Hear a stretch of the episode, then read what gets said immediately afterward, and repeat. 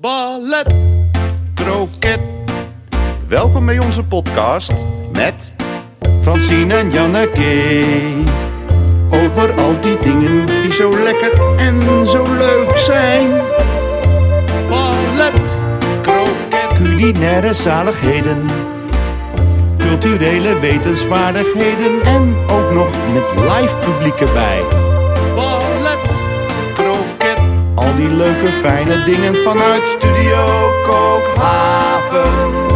Ballet, kroket, ballet, kroket, ballet, kroket.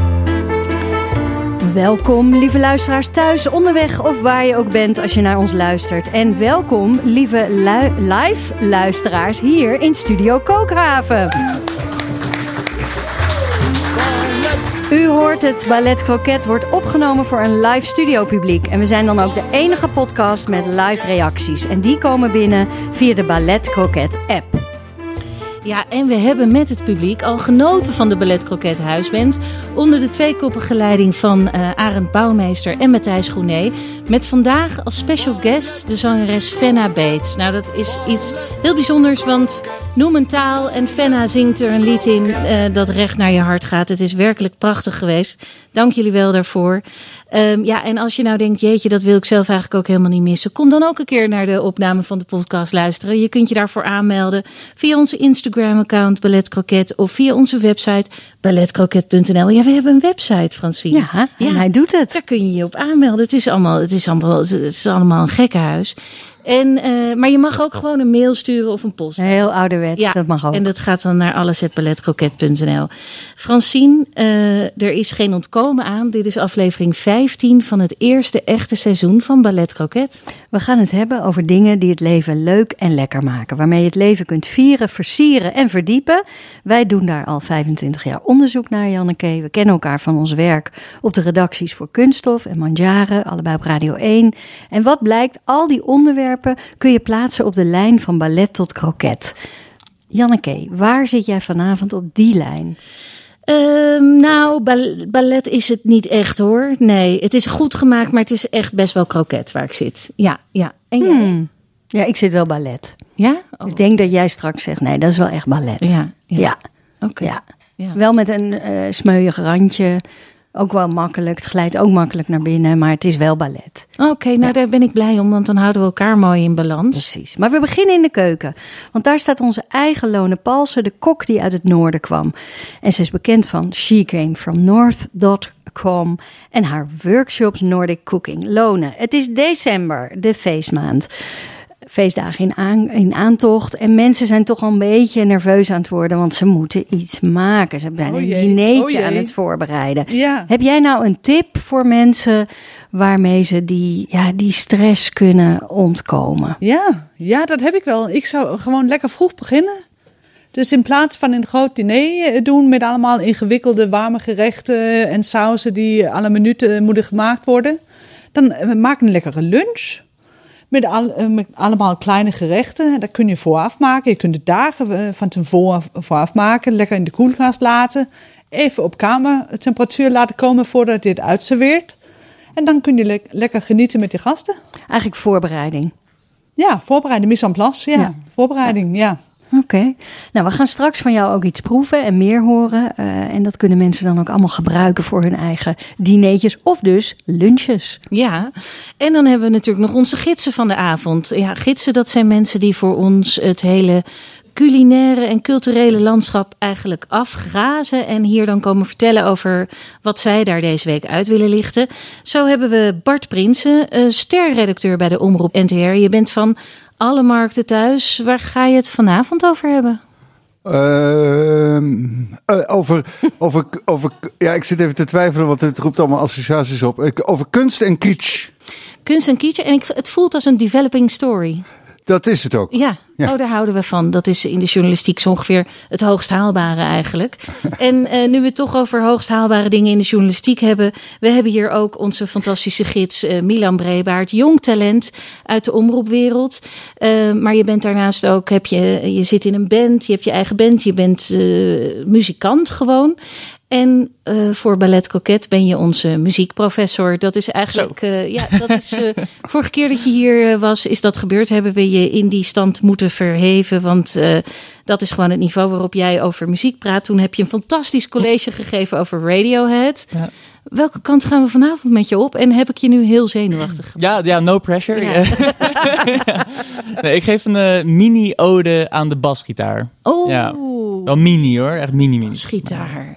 Ja. Francine. Ja, leuk. Ja. Want ik zag welke fragmenten je wilde, hè, welke, ja, welke zangers eh, je wilde laten horen. Ik dacht, hè, wat, wat, is nou, wat is nou de gemene deler tussen deze? Maar eh, de basgitaar. Nou, we gaan het, Ja. eh, we gaan het horen. Janneke en Francine. Nou, Francine, het belooft een heerlijke aflevering te worden. Maar eh, we dreigen alweer te vergeten dat het gewoon een podcast is. Het, eh, en dat ja, een podcast begint altijd met de vraag van de een aan de ander: hoe was je week? Ja, eh goede week. Ik noem het de week van Sven Ratske.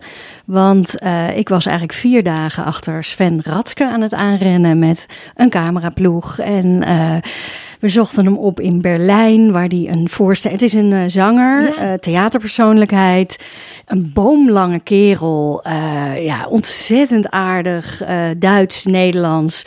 En hij... Hij is ook een van die mannen met een lange carrière, maar Ja. die, dat je hem toch niet, toch niet kent, iedereen. hem. nou, daar gaat dus verandering in komen. Yes!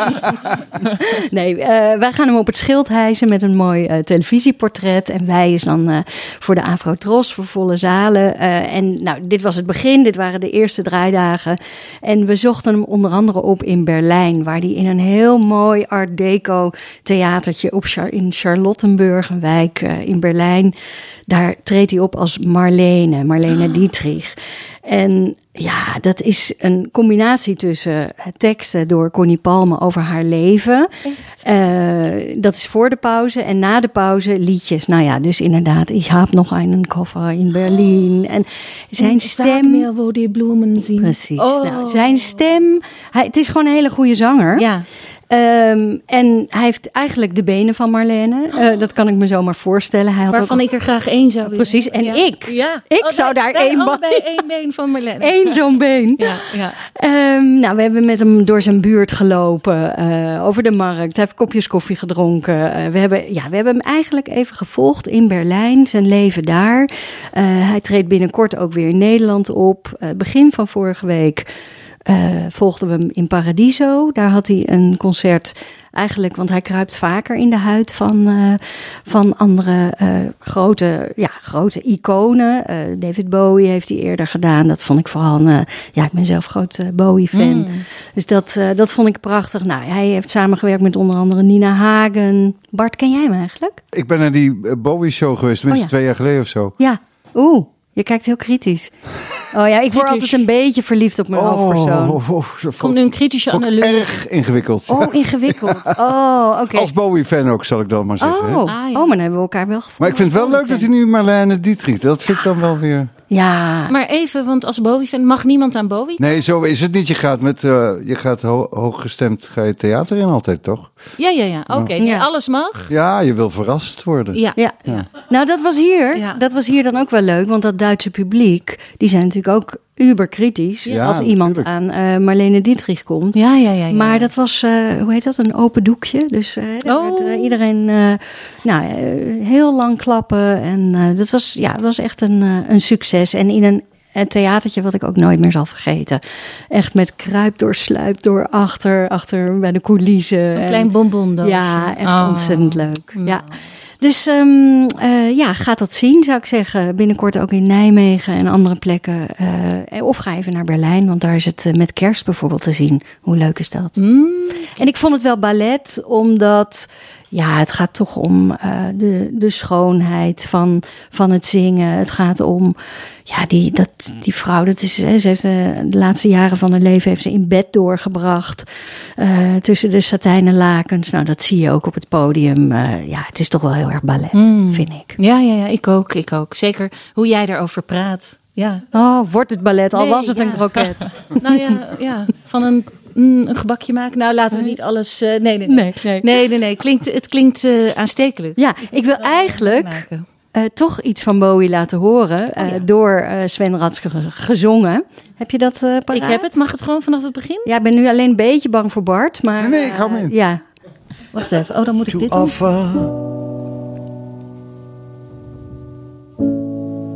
There's nothing much to take. Absolute beginner. But I'm absolutely sane. Het is, het is bijna... Ja, mensen kijken hiernaar. Zitten allemaal naar het gezicht van Bart te kijken. Wat vindt hij? Wat vindt hij? En Bart heeft inmiddels zijn gezicht verstopt achter zijn hele vuist. En eh, misschien moeten we gewoon aan Milan vragen. Oh, Want jij bent onze muziekprofessor. Mag je, mag je Bowie coveren? Oh ja hoor. Ja? je mag Gewoon iedereen coveren. Ja. Ja. maar je moet er wel een beetje je eigen draai aan geven. Ja. En, eh, ja. Want je moet niet proberen precies Bowie te zijn, want dat ben je niet. Nee. Dus dat, nee, eh, nee, ja. nee, nee, nee, precies. Janneke, wat lag Ja. er op jou, Bart? Eh, nou, we gaan helemaal een veilige wereld in hoor. Bart, je kan even weer ademhalen. Het is, eh, er komt geen Bowie aan te pas. Ehm, ik heb natuurlijk weer een serie gekeken. eh, want ja, dat is een beetje mijn ding. Ik heb nog allerlei andere dingen. Maar deze serie moet ik nu over vertellen.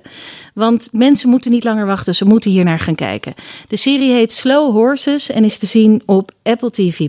Dat is een van de vele streamingsdiensten die we eh, kunnen krijgen in Nederland. En... ehm, het is twee dingen tegelijk. Het is iets en tegelijkertijd ook eh, het tegengestelde daarvan. Het is namelijk en een serie over eh, spionagediensten. Namelijk, paarden, eh, niet paarden. Nee, Slow horses. Nee, Nee. nee. Oké. over spionagediensten. En het is eigenlijk een serie over anti-spionagediensten. Het is eigenlijk, nou ja, en hoe komt dat? Nou, dat komt door de, de titel van de serie Slow Horses verwijst naar een bepaalde afdeling van eh, de MI5. Een van de grootste, belangrijkste inlichtingendiensten eh, die er wereldwijd zijn. En die hebben ook een soort megalomaan pand midden in Londen aan Regent Park. En dat is, eh, weet je, bij ons zit geloof ik de IVD in Zoetermeer.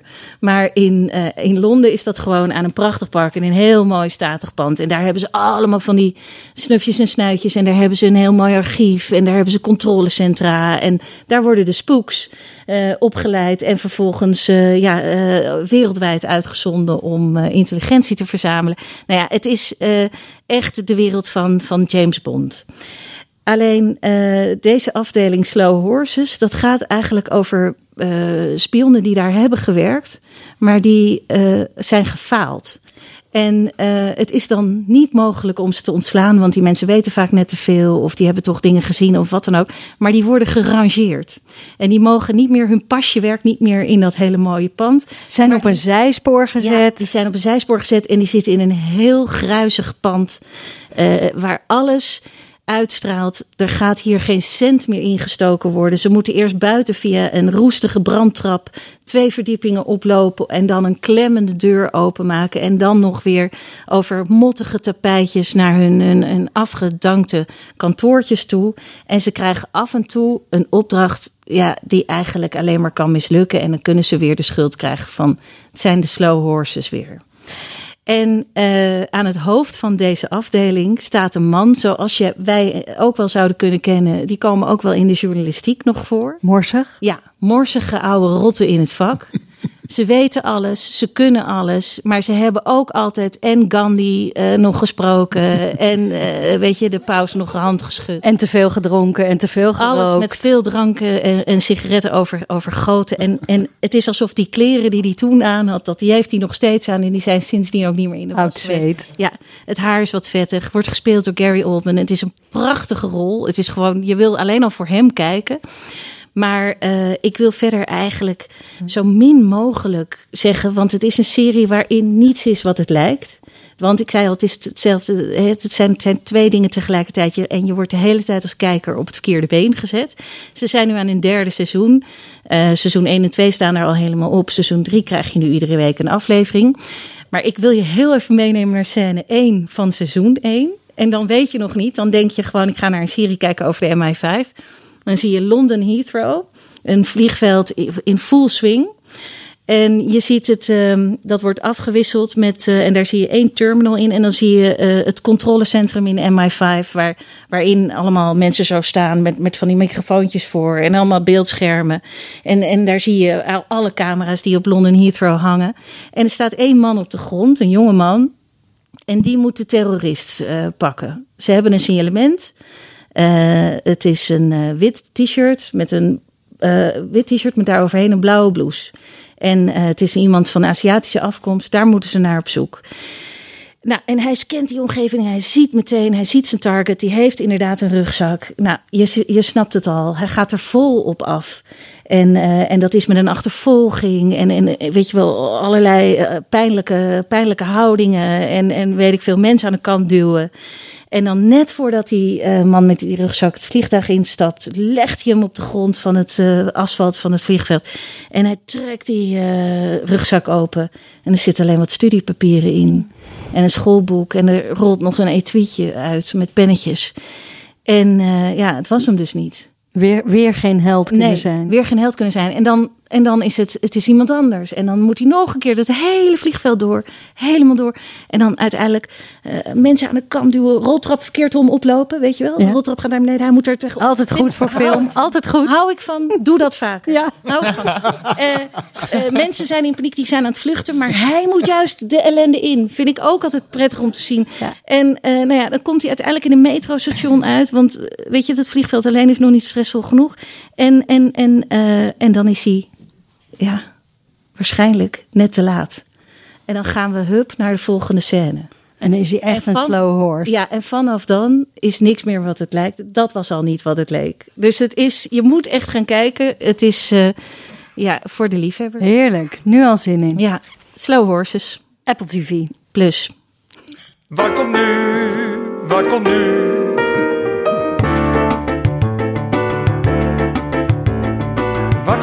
Volgende eigenlijk? Wat komt er nu? Wat komt nu? Wat komt nu? Lone Paulsen, onze eigen kok die uit het noorden kwam. eh, bekend van je bedrijf She Came From North.com. Je hebt gisteren je laatste workshop in de Nordic Cuisine voor dit jaar eh, gehouden. Groot klopt. succes volgens mij. Mensen hebben hier Ja, gegeten. En veel Ik heb blij gezichten gezien. Ja, leuk. Volle buiken. Dus, Ja, eh, heel fijn, heel fijn. En er staan nog andere evenementen op het plan voor dit jaar. eh, en voor de hele snelle beslisser kan er nog een kerstdiner gerealiseerd worden. Dat klopt. Als je Ja. snel bent, dan we, we hebben nog, volgens mij hebben we een paar mogelijkheden, opties eh, volgende week. Ja, Maar dan moet je snel zijn. ja, ja, ja. Dus bedrijven, instellingen en eh, families die het eens een keertje rustig aan willen doen. bel, bel naar de kookhaven. Bel naar, of ga naar shecamefromnorth.com Ja, of de eigenlijk. kookhaven Ja. kan ook. Kan ook. Ehm, maar goed, eh, de feestmaand is dus begonnen. We zitten er al bijna halverwege eh, december. En voor, voor, voor ons hier in Nederland moeten we altijd eerst, ja, ik wou zeggen over Sinterklaas heen, maar daar kun je ook allemaal verkeerde gedachten bij krijgen. Ik bedoel, daar moeten we eerst doorheen, laat ik het zo zeggen. En eh, eh, voor jou als Deense, bestaat Sinterklaas in Denemarken? Nee, dat hebben we niet. Nee. Dus voor ons eh, in Denemarken staat, we hebben, begint de kerst al medio november. Oeh, ook echt met de boom in huis en zo. Echt eh, vol, eh, alle, alles erop en aan. En eh, ja, kerstversiering overal. En eh, ja, vooral eh, heel veel drinken eigenlijk. Dat, Mhm, begint, dat hoort er ook bij. ja, dat begint wel vroeg. En, Ja, dan, En Lona eh, ook met een eerste en een tweede kerstdag. Dat hebben we ook, ja. Ja, en een kerstavond. Dus eigenlijk gewoon hetzelfde. Nou ja, hier. we hebben kerstavond op de 24ste. eh, vier, Ja. dat, dat is onze grote avond. Ja. Maar ja, eh, anders ja. Ja, Ja, en is het ook eh, met familie eh, bij elkaar kruipen? En, ja dat, dat, dat is het. Maar eigenlijk vier je kerst met iedereen in Denemarken. Oh. En dat is dus ook de reden achter al dat drinken. Omdat eh, ehm, eigenlijk je begint medio november, dan begin je met de, met de kerstlunches. Oh, echt? En dat was ook wat ik net als tip heb gegeven. Ja. Lunch is altijd leuk, omdat ja, dan hoef je niet warm te eten en zo. Maar ja, dan, eh, dat, eh, dat, doe je, dat vier je dus ook met je, met, je, be- met je collega's, met je vrienden, met je familie, met je voetbalclub, met de muziek. je. Iedereen gaat gewoon samen lekker aan tafel zitten, heel veel eten en heel veel drinken. Ja, dat heb je nu een paar keer gezegd. Hè? Ja. Dat heel drinken. Eh, is dat iets waar je eigenlijk niet aan ontkomt? Dan, nee, nee, je, je- je- ja, ik, ja, ja. Is dat waarom je Ja. hier woont? ik ben het land ontvlucht. Nee, helemaal niet. Maar ik vind het wel opvallend. En eh, het wordt ook heel duidelijk als je je eh, vaderland verlaat. Hè? Dan zie je ook eh, de tradities veel duidelijker. Ja. En, eh, en dat is wel een van de dingen die mij enorm is gaan opvallen. Eh, ik woon hier al twintig jaar, of, eh, langer zelfs.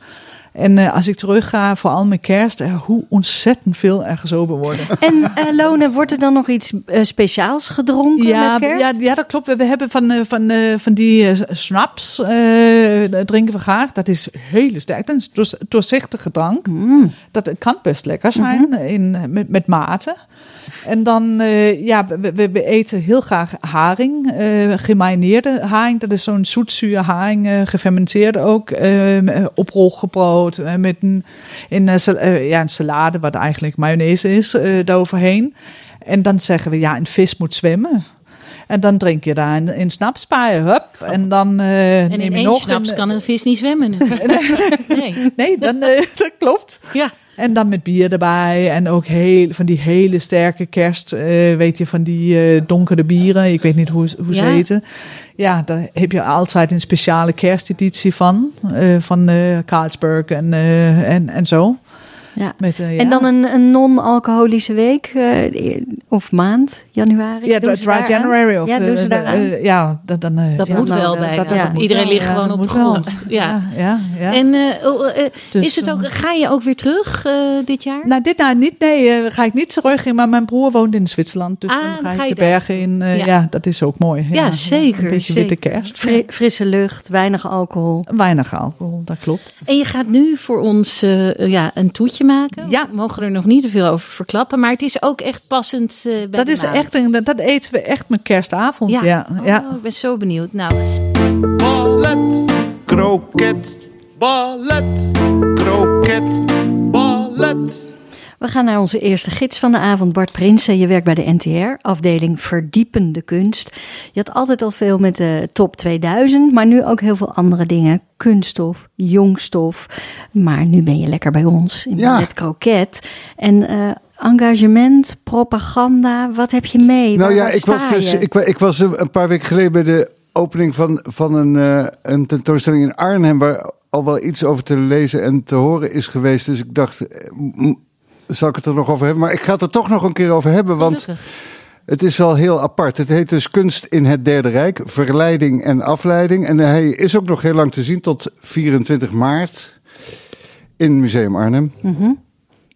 En eh, nou ja, het gaat dus eigenlijk over propaganda, zal ik maar zeggen. Ehm, nou, weet ik niet wat voor associaties jullie hebben bij propaganda. Nou, als jij het zo zegt, dan denk ik het is iets om heel bang van te worden. Nou ja, je, dat woord propaganda, propaganda ken ik in ieder geval van de geschiedenisboekjes op de middelbare school. En dan zag je van die cartoons uit de jaren dertig, waarop Rusland werd afgebeeld als een beer. Of de, de, de Joden als eeuwige Joden, weet je wel, geld, wolven, ratten, nou ja, allemaal. Dus, en ook hedendaagse kranten hebben trouwens nog steeds wel eens cartoons. En dus dat was eigenlijk de eerste associatie die ik had. En je hebt dan wel ooit gehoord over Entartete kunst, weet je wel? Die kunst die door de nazi's in de ban werd gedaan. Heel interessant gegeven. Dus er was een heel eh, uitgebreide inleiding door de conservatoren van die tentoonstelling. En dan, dan, dan de, wa- wat je vooral opvalt, is het de, de ogenschijnlijke willekeur van wat dan wel oké is en wat dan niet oké is. Dus. Wat wel eh, oké is in de ogen van de machthebber en wat niet. ja, precies. Ja. Dus het modernisme, dat mocht bijvoorbeeld niet van de nazi's. Nee. Eh, Want dat was fout. En het re- realisme was juist goed. Ja, oké. Maar zelf wisten ze het ook niet precies. Bijvoorbeeld eh, Goebbels, de, de propagandaminister van de nazi's, hield werk, van het werk van Emil Nolde, een expressionist. En ook een trouw NSDAP-lid. Maar toen Hitler erachter kwam, toen, toen werd hij toch teruggefloten. En we- werd Nolde alsnog in het bakje verkeerd geduwd. En ehm, in 1937, dus voor de oorlog al, was er in München een grote nazi-tentoonstelling voor Entartete Kunst. En het idiote is dat die tentoonstelling dus ook georganiseerd was om die kunstenaars uit te lachen. Of die kunst uit te lachen. En dat werd, las ik, in vier maanden met ruim 2 miljoen bezoekers de beste kunsttentoonstelling ever. Wat dus blijkbaar iedereen ging zitten grinniken over wat daar te maar zien grinniken eigenlijk van dit mag je niet mooi was. Ja, vinden. of dit is lelijk, of dit is, eh, dit is nepkunst. Ja. Nou ja, naar aanleiding van die tentoonstelling ehm kopte NRC eh, boven een stuk van Bernard Hulsman onkunst, kitsch en kwaliteit. En dat vond ik een ontzettend goede titel, want, want dat sloot precies aan bij mijn eigen ervaring terwijl ik daar door die zalen liep. Omdat je voortdurend denkt, is dit kunst? Is het kitsch? Is het, heeft het helemaal niks met kunst te maken? Het is heel, dus eigenlijk ben je zelf voortdurend die scheidsrechter. En, Ja.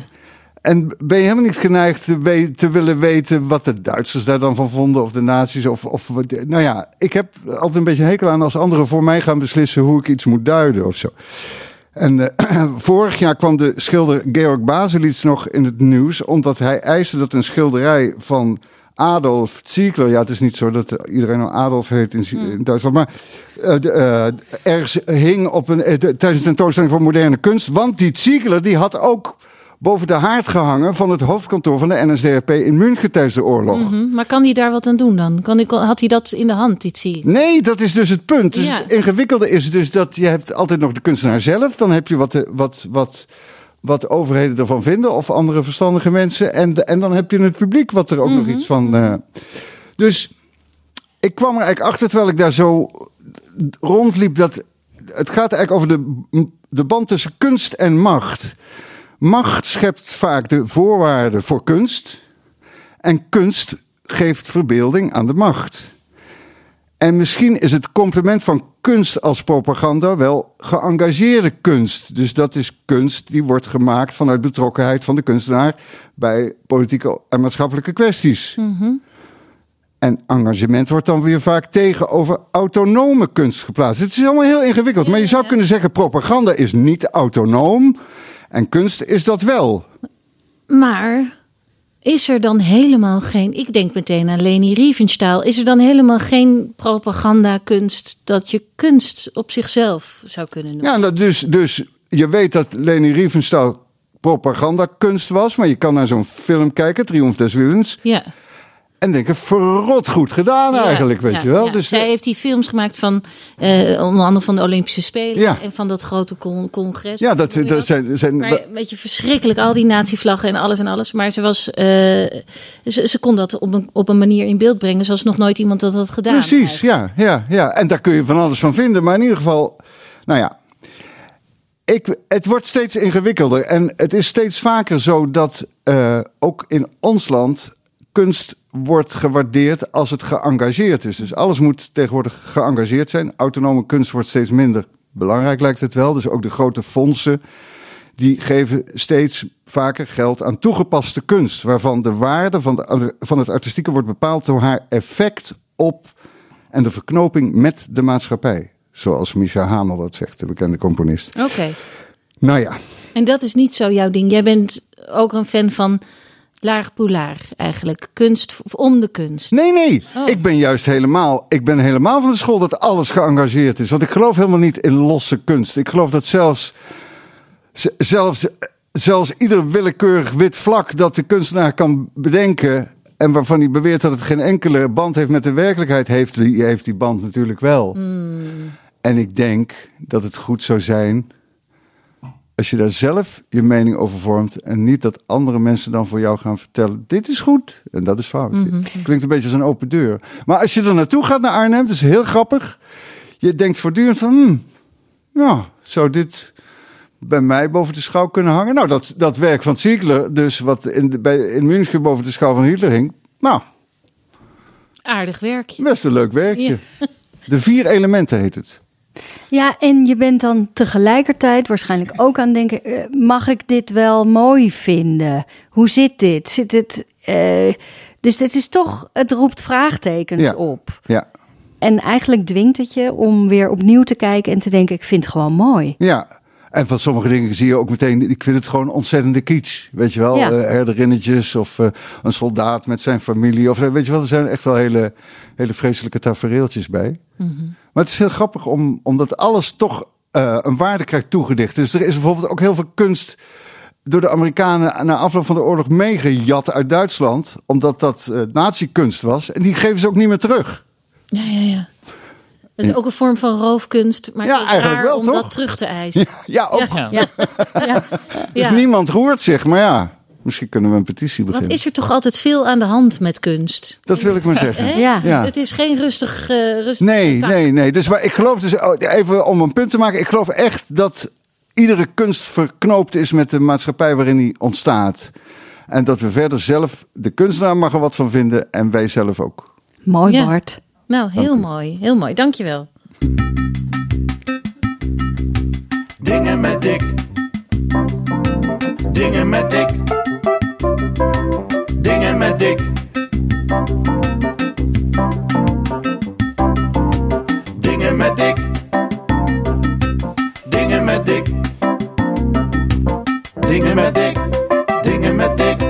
Dingen met Dick.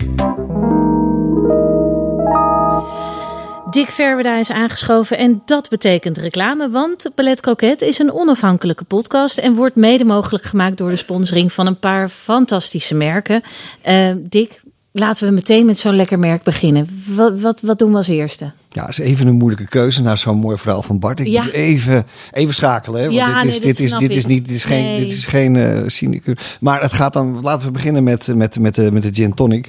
Die eh een ieder voor zich heeft staan die hier eh, in het publiek zitten. Ja, Ik heb ze verteld van het ondergaande zonnetje. Hè, de, de, de grapefruit die de ondergaande zon symboliseert. Ja. In deze donkere tijden die we toch met z'n allen door moeten. En nou ja, ik heb weer alleen maar lachende gezichten gezien. ja. En ja, die Hermit Gin, dat heb ik er ook even bij verteld. Die is gemaakt van, eh, of met, met Oosterscheldewater. Hè. Dus, dus het is een, een, een- unieke gin die eh, eh, per kleine batch gemaakt wordt voor de liefhebber. Mhm. En ja, prachtig merk. En, en, en dat mixen we dan met een, met een, met een Fever Tree Mediterranean tonic. Ja, ook puur natuur, prachtige smaken. Ja, ik, ik, ik, ik zie alleen maar gelukkige gezichten. Het is Dus- een winnende combinatie. En De zit winnende, voor, de, voor de vi- vitamintjes zit er nog zeekraal in. Oh, de zeekraal. Ja, als je daarop bijt, keer je weer terug in de zee. Ja. Moet ik erbij zeggen. Ja. Belangrijk. Ja. Nee, dat vind ik heel belangrijk. Ja, ja. vi- Vitamine zijn belangrijk in de donkere dagen. Eh, en dan heb jij ook nog, wij kennen je gewoon als Dick. Maar de mensen kunnen jou ook kennen als Don Ostra. Don Ostra, hè, dat is eh, de, de, de heer van de oesters. Ja, Ja, is het, het is bijna kunst. je kan er ook niks aan doen.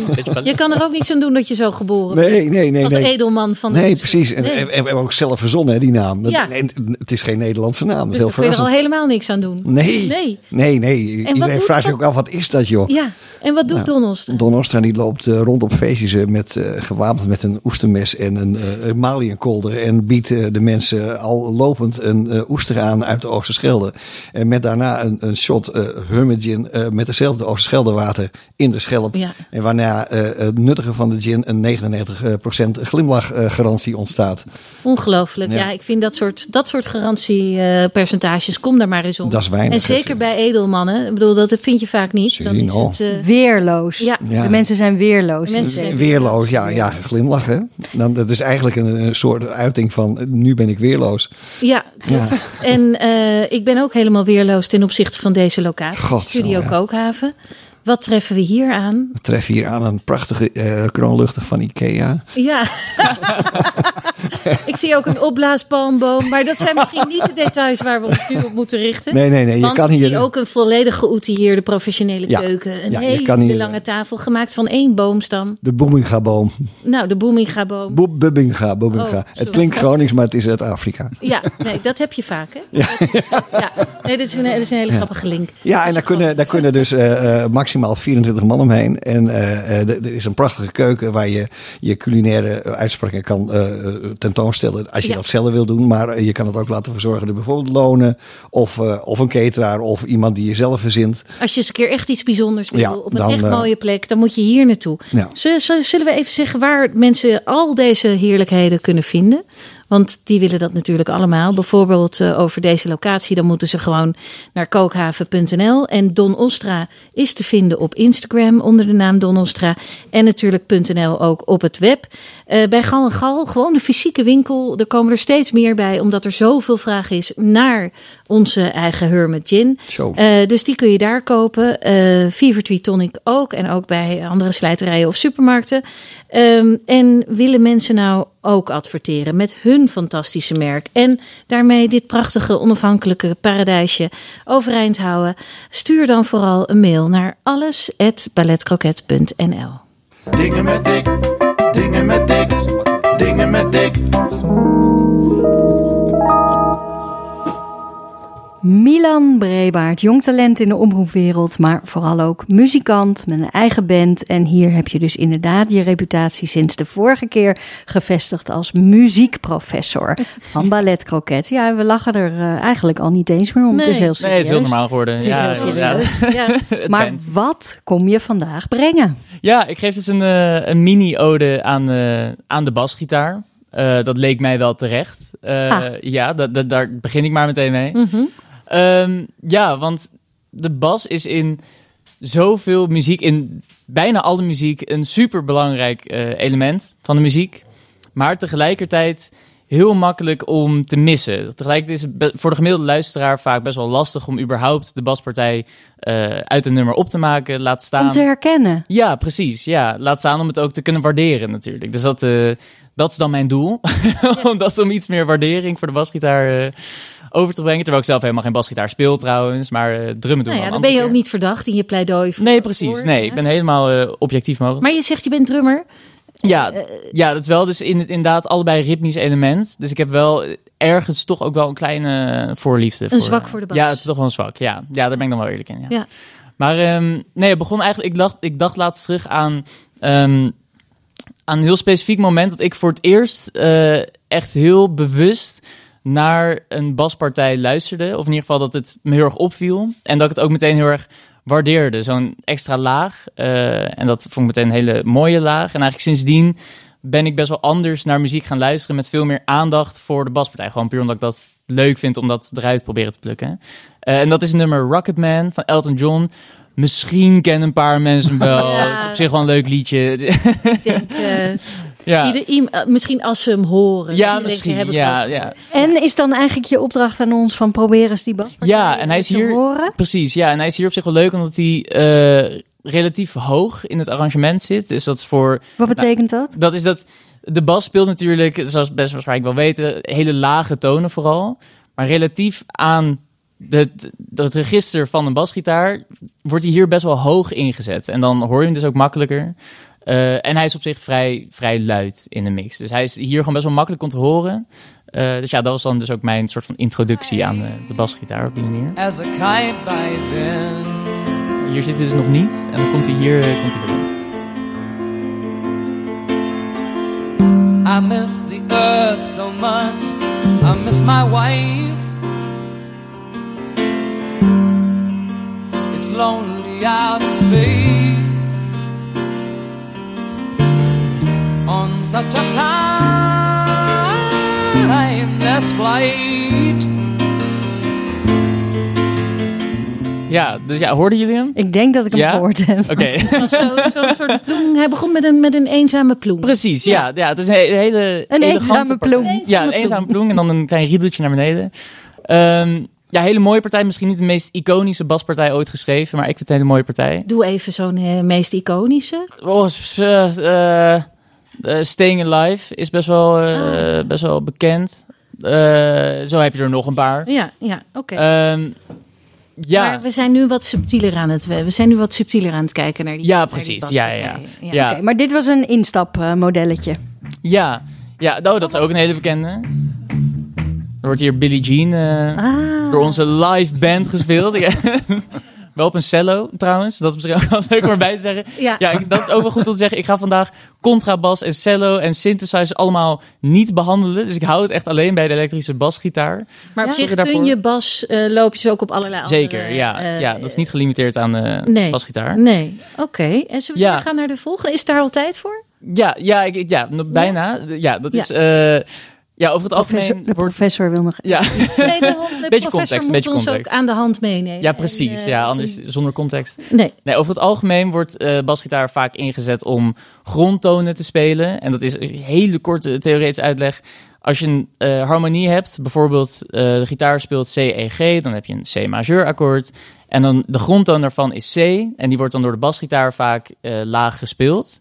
Ehm, en ik hoorde ook laatst een vergelijking langskomen tussen schilderkunst om het nog meer ballet te maken. Graag. Eh, ehm, dat het onderwerp wat wordt geschilderd is eigenlijk de melodie en de harmonie. En het, de achtergrond van een schilderij waar het onderwerp eh, de context vandaan haalt, is de baspartij. Aha. Dat vind ik op zich een mooie vergelijking. Maar het leuke is juist wanneer er wordt gespeeld met die, met die positie, zeg maar, met die regels. En dat de baspartij juist eens een keertje de hoofdrol krijgt. Precies, ja, ja. Dus dat hoor je inderdaad. Volgende wat gaan luisteren is eh, Doris D. van Doe Maar. Dan hebben we ook meteen misschien wel de bekendste Nederlandse bassist ooit te pakken, Henny Vrienden.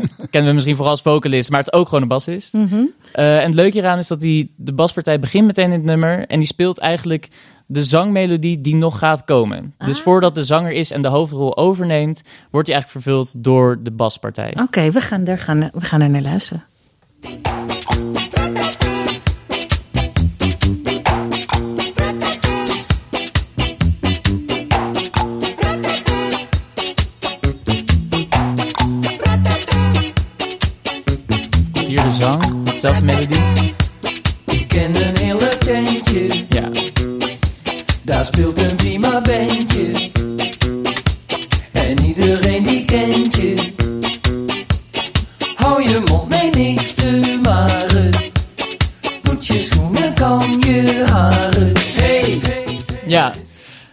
Niet precies dezelfde melodie, maar het is wel duidelijk een hint naar de, de zang die zal komen. Ja, ik moet Ja. je echt bekennen, ik luister al eh, bijna zo lang als ik leef naar dit nummer. Maar dit was me nog nooit opgevallen. En maar daar ben ik voor. Dat, Dat, we, dat we eigenlijk alvast even dit is mijn doel, ja. ja. Nee, precies. Milan, snap je nu? Snap je nu? Ja. Nee, het is Nee, duidelijk. fijn. Ja, goed Oké, te horen. Ja, ja, ja. Ja, Nee, dus en daarbij, precies, ja, bij dit, eh, bij Doris D, toen luisterde ik dit laatst, toen ik hier dit ging voorbereiden. En toen moest ik meteen denken aan eh, een wat recenter voorbeeld, Ik wil dansen, van Vrouwtje. Mhm. Daar wordt iets vergelijkbaars gedaan. Daar wordt de zangmelodie van het refrein van Ik wil dansen, wordt ehm, eigenlijk gecopy-paste en in het couplet gebruikt. Maar niet meer als zangmelodie, maar als baspartij. Dus ondanks dat het een ander deel is van het nummer, past het er alsnog heel goed onder. En wordt couplet en refrein een soort van door die baspartij samen één of zo. Dan connect het beter. Deze is trouwens wel wat lastiger te horen. Dus doe allemaal erg je best. Maar we, We zijn nu een beetje geoefend. Oké, precies. Ja, ja. Daarom is deze als derde. Ja. we beginnen even met refrein. En dan eh, komt de couplet eh, daarna. Oké, Als ik licht stond mijn hele leven wat ik pas. Moet huilen om te schrijven, verschuilen om te blijven. Vanavond moet ik dansen, vanavond moet ik dansen. Ik ben bang voor een nieuwe dag. Dus ik dans tot de pijn verzacht. Ik weet dat hij op me wacht, want de waarheid is hard, maar de avond is zacht. Want als ik hier voor altijd blijf, de club verswelt met het zweet in mijn lijf. Ik kan het leven niet dan komt herkansen. hier nu de Vanavond moet ik baspartij. dansen, Vanavond moet ik dansen. Wordt later, ik zie een cirkel in de spiegel en ik haat er. Er is iets dat niet wil praten, maar dat is over voorbij. En als ik niet met de tijd dans, dan zij wel met mij. Ja. Ik moet bewegen. Ja. Als je het, eh, Ja, als je het eenmaal hoort, kan je het niet meer niet horen. Ja. is, eh, Johan Cruijff had dit niet beter kunnen zeggen. ja. Gewoon hoe het is. Ik heb echt wat geleerd, Milan. Ja. Ja. Ja, nou ja, we- enig idee waarom mensen dit doen? Waarom ze die, die verwijzingen naar, naar hun, binnen hun eigen? Wow. Ja, gewoon, ik denk, ja, daar, ik daar kan je verschillende redenen voor bedenken. Het is gewoon, het klinkt fijn. Als in, het is de zangmelodie eh in het refrein die zorgt ervoor dat het, het ook heel groovy of zo. Het is best wel ritmisch complexe partij misschien. Eh, waardoor het couplet meteen die, die drive erin krijgt. Ehm, Kan wat- het ook zijn dat, dat ze zo'n liedje schrijven en dan zo verliefd worden op dat, op dat lijntje dat ze dat gewoon zo vaak mogelijk erin willen zetten? Ja, dat kan, denk ik wel. Nou, dat is wat Ja. wij doen. Ja, of- Je betrekt altijd alles op. Ja. Ja. Nee, maar ja, en ik, ik zie in dit geval zie ik het vooral voor me dat ze. Eh, je hoort hier bijna gewoon die melodie van het refrein zo herkenbaar is, hoor je bijna nog doorgalmen in het couplet of zo, maar dan dus in de baspartij, waardoor het dus echt heel erg samen één geheel wordt als nummer. Dus het is gewoon qua productie-wise dat heel, eh, heel goed bedacht, vind ik. Mhm. Heel goed gevonden. Eh, en dan? ja, dan het laatste voorbeeld alweer. Ehm, ja, deze is echt bedoeld om echt duidelijk te maken aan de luisteraar wat het, eh, het, het verschil tussen wanneer de basgitaar er wel is en wanneer de basgitaar er niet is. Dus om duidelijk te maken hoe belangrijk die partij nou eigenlijk is. Eh, dat, eh, dat gaat om het nummer Funking for Jamaica. Een heel fijn nummer ook. Dat intro is bijna twee minuten en daar gaan we een klein deel van luisteren zo. En dat is, eerst zit de bas er wel in en ook best wel als hoofdrol weer.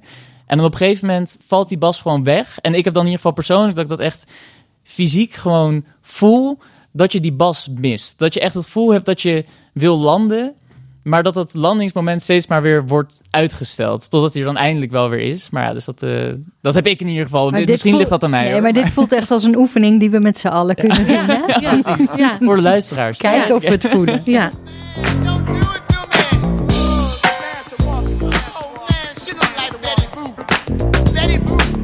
Hier zit dus heel duidelijk nog wel.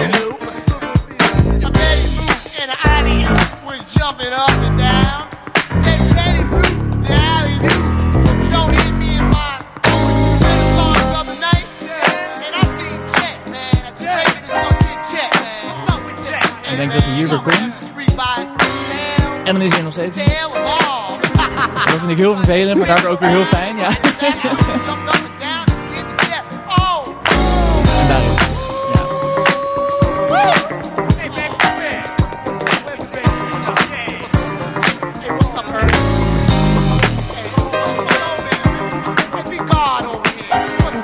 hè? We worden als publiek gewoon gek gemaakt met, met het wachten op die bas.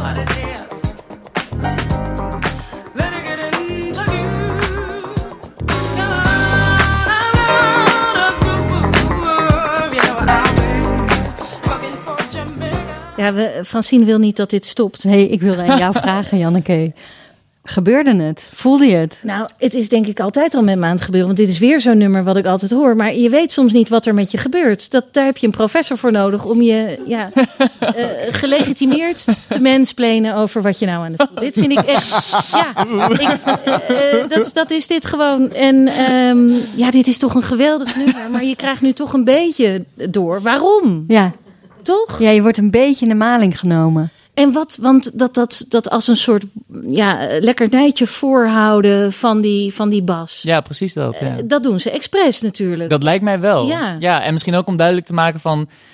Kijk hoe belangrijk dit is. Ook. Hoor- Geëngageerde kunst, Ja. eh, Bart. Daar heb je het. ja. Ja. ja, dat lijkt me wel inderdaad. Ja, dat ze het juist ook dan soms weer terug laten komen... om weer dat even te geven van zo voelt het als er wel is... en zo voelt het als het er niet is. Om dat Oh. verschil te ervaren. Ja. Wat een Nou. parabel voor het hele leven. Ja, maar ontzettend goed gedaan. Ja. Echt.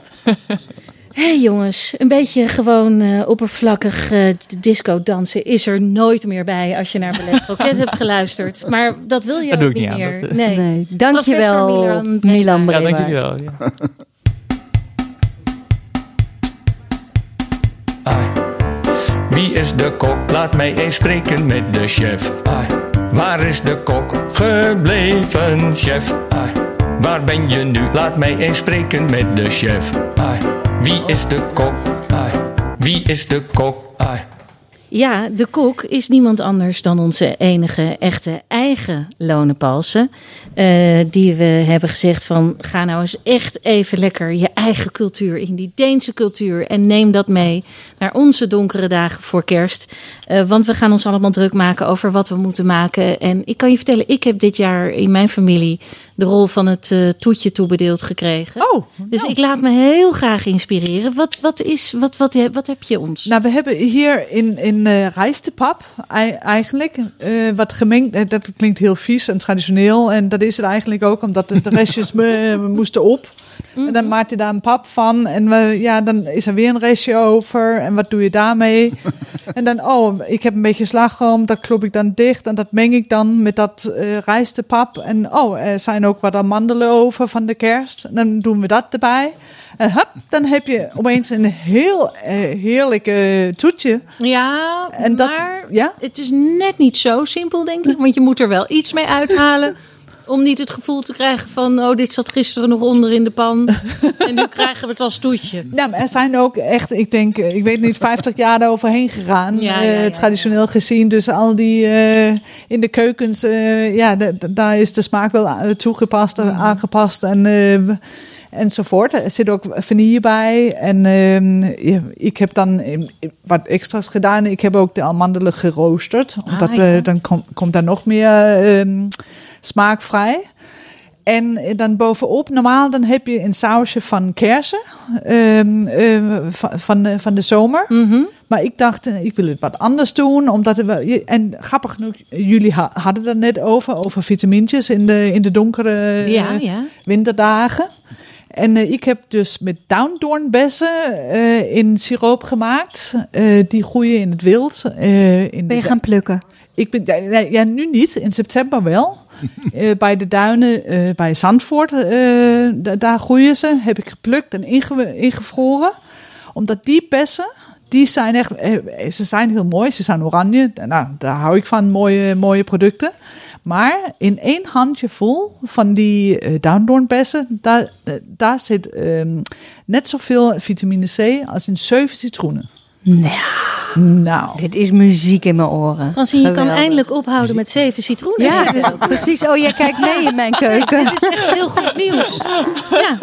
Oh, sorry, gebeurt er iets met het eh, geluid? Of nee? nee. Nee, maar vooral ook, eh, en natuurlijk die vitamines, dat is ontzettend fijn. Maar die kleur is fantastisch. Dat Die is hele- fantastisch. ja. En dan kun je gewoon eten met een goed geweten. Kun je slagroom eten met een goed geweten. Oh, Huh? oh, oh. Nee, ik weet niet, de avond kan niet meer beter worden. We moeten er eh, niet vergeten. Niet vergeten, in een van de glazen zit in een hele amandel verstopt.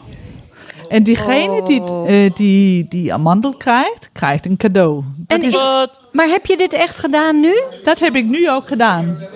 Is hij gevonden? Iemand zegt, Oh, ik heb ja. hem net, ik heb Oh, hem ja. gevonden en net Nou. opgegeten. Laat dat kijken. meneer J. Verweda uit Amsterdam zijn. Die heeft hem weer net op. Maar ik, Ja, ik heb nu altijd, zeggen. ik wil dit nu zijn. Ik wil hem nu vinden, maar ik heb hem niet. Ja, dat moet de je amandel. Nou, nou. Is er iemand? Oh, er staan nog een paar glazen. Nou, eh, lieve luisteraars. Nou, we gaan dat hier... eh, Het bleef nog lang onrustig in de stad, want eh, de amandel moest boven komen. Maar Lone, ik wil nog even één ding met jou, waar de luisteraars ook wat aan hebben. Er komt binnenkort ook een evenementje hier in de Kookhaven. Dat waar klopt. mensen naartoe komen, kunnen komen. Om jou in levende lijven te ontmoeten natuurlijk. En ook Dick. En jullie? En ons. Wij gaan daar twee kerstafleveringen zitten opnemen. Ja, Maar ze kunnen ook dingen kopen dan. dat klopt. Ik heb een, eh, een pop-up winkeltje eh, in het, eh, ja, gemaakt. Ik heb het ook tijdens de podcast. Ja, En daar kun je allerlei dingen koken. leuke cadeautjes nog even gauw kopen. Precies. Dat is op 22 december, op vrijdag. Hoe laat moeten de mensen zich dan eh, melden? Ergens tussen... Tussen vier en negen. Zo, nou te gek. En bij Dick kun je volgens mij ook lekkernijen bestellen. Eh, we zullen daarover nog wat informatie zetten op ons eh, Instagram. Maar zet dat vast in je agenda, mensen. 22 december kun je hier bij de Kookhaven mooie Ja, wordt heel cadeautjes leuk. En lekkere cadeautjes kopen Ja. eigenlijk. Daar komt het op neer. En niks zo fijn als cadeautjes geven die weer opgaan. Hè? Dan, Dat, ja? dat is goed. Er is ongelooflijk veel geroezemoes hier. Volgens mij is die amandel gevonden. Maar dat gaan we zo meteen eh, gaan we dat horen. Ja, wilde je, wilde, wilde je zeggen? Niet Ik weet niet. Is er opwinding? Is die gevonden? Oh, nog niet. Nog Nee. niet. Nou, we gaan hier tot diep in de nacht eh, zoeken naar die amandel. Dit was even aflevering 15 van Ballet Croquet. En we danken onze gasten Lone Palsen, Bart Prinsen en Milan Brebaert. Grote dank en een extra groot hartje aan de Ballet Croquet Huisband onder de tweekoppige leiding van Arend Bouwmeester en Matthijs Groenee met vandaag Fenna Beets. Ballet Croquet werd opgenomen voor een live studio publiek en wilt u ook een keer komen kijken en genieten van live muziek en goede sfeer, dat kan. Stuur dan een mail naar alles@balletcroquet.nl. En wilt u adverteren in onze podcast, dan kan dat ook. Mail alles@balletcroquet.nl. En is mailen niet jouw ding? Kijk dan gewoon op onze Insta, het Ballet Croquet, en stuur ons een DM'tje of op onze site balletcroquet.nl. Met grote dank aan de meest gastvrije Fries in Amsterdam, Dirk Verweda van Studio Kookhaven. Wij gaan weer grazen. Tot volgende week. En onthoud, alles is Ballet Croquet. Ballet,